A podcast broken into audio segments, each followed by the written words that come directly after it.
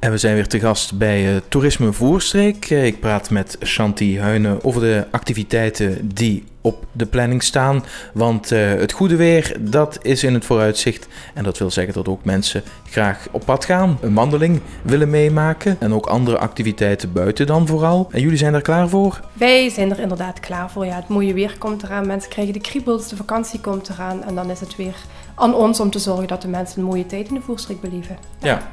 Uh, in welke vorm? Ik zei net al wandelingen, klopt dat? Zijn er ook nog andere activiteiten? Ja, we gaan um, in de paasvakantie weer van start met onze jaarlijks terugkerende uh, geleide wandelingen. De eerste is op zaterdag 15 april. Dan doen we eens iets nieuws. Dat uh, is geen wandeling buiten, maar het is een wandeling in de tentoonstelling. Enerzijds krijgen de mensen um, de mogelijkheid om een film te zien in 35 minuten. In een 35 minuten wordt de voerstreek eigenlijk heel kort belicht. De belangrijkste zaken komen aan bod. Uh, gebouwen, het landschap, maar evenzeer ook de cultuur. En dan daarnaast doen we samen met uh, Mieke Nies, dat is een, een heel goede gids van ons, een uh, speurtocht in de tentoonstellingen. Omdat een tentoonstelling is toch maar een tentoonstelling. En als je daar zelf moet rondwandelen, dan moet je al een beetje een basiskennis uh, hebben. En zij gaat het eigenlijk op een leuke en vrolijke manier doen.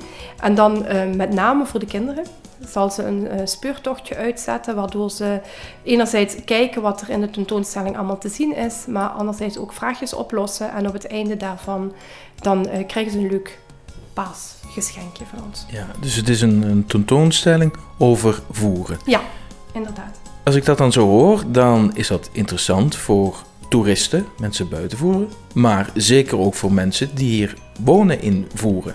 Absoluut. Het is zeker een aanrader voor de mensen van de voerstreek. Je zult natuurlijk heel veel zaken herkennen. Ook in de film zullen er een aantal zaken zijn waarvan je denkt: ah ja, oh ja, dat ligt daar. Of dat is die of dat is dat. En die tentoonstelling absoluut, omdat we daar eigenlijk op een hele kleine oppervlakte proberen om enerzijds de geschiedenis van de voerstreek, wat toch wel altijd complex is, uh, om die uit de doeken te doen. En het andere gedeelte zijn vooral spelletjes en uh, kijkhoekjes en een dassenrol waar je in kunt kruipen. En waar je wat extra informatie krijgt over, ik zeg maar iets, um, wat eet een everzwijn, waar woont een das, um, kan een marter ook goed zijn voor het landschap? Hoe zit het met onze ondergrond? Hoe zit dat ook alweer, die vakwerkhuizen, hoe zijn die opgezet? Zo van die zaken. Dus het is educatief, leerzaam voor jong en oud. Uh, ook dus vooral gericht op kinderen, zoals ik hoor. Het is interactief, want het is ook een soort van speurtocht. Ja, het, um, het, op de kinderen wordt inderdaad een speurtochtje opgezet. En de volwassenen die krijgen dan de volwassen versie van de uitleg. Dus Mieke gaat het tweedelig doen. De kinderen krijgen de vraagjes en de volwassenen krijgen gewoon um, goede, korte uitleg. Oké, okay, en het voordeel van deze activiteit is ook bij slecht weer um, bij het ook droog. Absoluut. Maar het is sowieso een feit dat onze wandelingen altijd ook al doorgaan. Is er nu één deelnemer of zijn er 25 deelnemers? We gaan altijd op pad. Oké. Okay. Ja. Uh, voor deze activiteit moeten mensen zich inschrijven? Inschrijven is altijd het gemakkelijkste, maar je kunt ook wel de dag zelf gewoon aangewandeld komen. Het enige is dat we uh, een maximum van 25 mensen erop zetten. Mm -hmm. Gewoon om het haalbaar te houden. Dus 25 is altijd het maximum. Wil je zeker zijn van je plekje, dan is het inderdaad beter om even in te schrijven. Ja. Oké, okay, dus even samenvattend. Uh, dat is Stille Zaterdag, als ik het goed heb. Dag voor uh, Pasen. Um, hoe laat? 14 uur start. Oké, okay, twee uur in de namiddag hier bij het bezoekerscentrum. Ja. Dan ook wandelingen, echte wandelingen staan op de planning. Ja, de volgende wandeling die we doen is op uh, zaterdag 22 april, ook om 14 uur start aan het bezoekerscentrum. Dat is een bloesemwandeling en daar neemt de gids je mee uh, in het landschap. Meestal is dat een wandeling van 4, 5 kilometer, afhankelijk um, van het weer en de groep.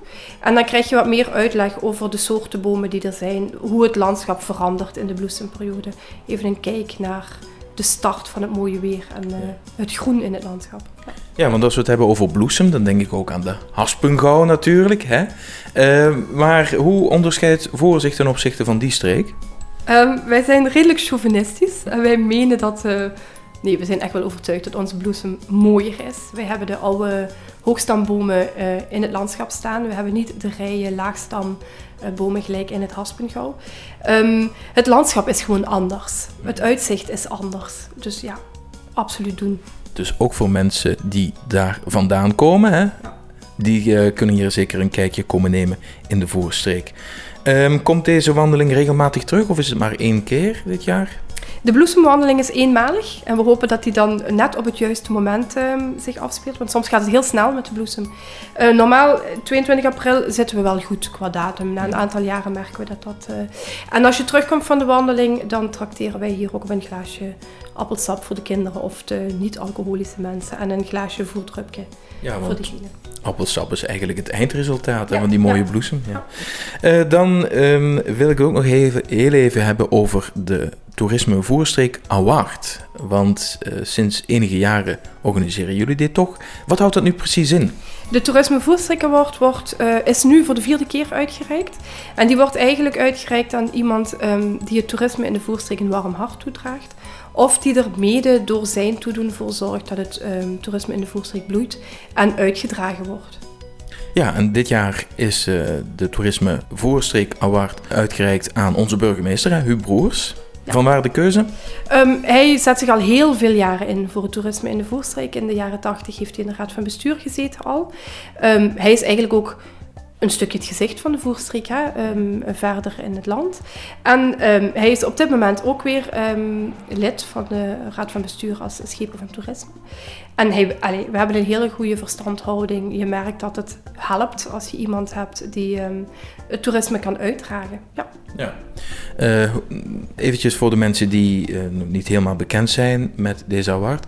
Hoe wordt het bepaald wie de award uh, ontvangt? De Raad van Bestuur kijkt samen met ons wie, zich, um, of wie een kandidaat zou kunnen zijn. Zo hebben we bijvoorbeeld ook al Elsa van de Nabele gehad. We hebben Guido Sveron gehad. Dat zijn echt wel mensen die heel belangrijk zijn geweest en nog altijd zijn voor het toerisme in de streek. En op die manier zoeken we naar mensen um, die het gewoon goed doen. Ja. ja. Oké, okay, mooi. Zijn er nog verder updates? We hebben het vorige keer gehad over uh, die vrachtwagen ja. die zou gaan rondrijden. Die rijdt ondertussen. Hij is al een paar keer al gesignaleerd. Het is een uh, vrachtwagen van een transportbedrijf dat die uh, rondrijdt in Vlaanderen met um, helemaal bes, bestickerd met uh, landschappen en uh, de commanderie van Sint-Pietersvoeren. En ja, als je die ziet, dan mag je ons dat altijd laten weten waar je hem gezien hebt. Eventueel heel voorzichtig een fotootje trekken en dan aan ons laten weten waar je hem gezien hebt. En dan, wij proberen daar op de een of andere manier nog een, uh, een wedstrijdje of iets aan te koppelen. We zijn daarmee bezig uh, om daar iets van te maken. We moeten, maar, moeten even kijken en ook zorgen dat heel duidelijk is dat de verkeersregels wel nog altijd voorop staan. Hè? Dat je geen ongelukken veroorzaakt om uh, een foto te maken van die vrachtwagen. Maar die rijdt ondertussen. Ja. Dat, is, dat is een mooie vooruitgang. Um, voor de rest, zijn er nog andere activiteiten of uh, ontwikkelingen? Ja, we, zijn, we hebben de fietskaart um, vorig jaar opnieuw uitgegeven. Dus een fietskaart waarop de voerstreek staat, maar dan ook het gebied dat rondom ons ligt. Ondertussen zijn we ook heel hard aan het werken aan de autokaart die we hadden. Daar staan vanuit hier aan het bezoekerscentrum vijf autoroutes op.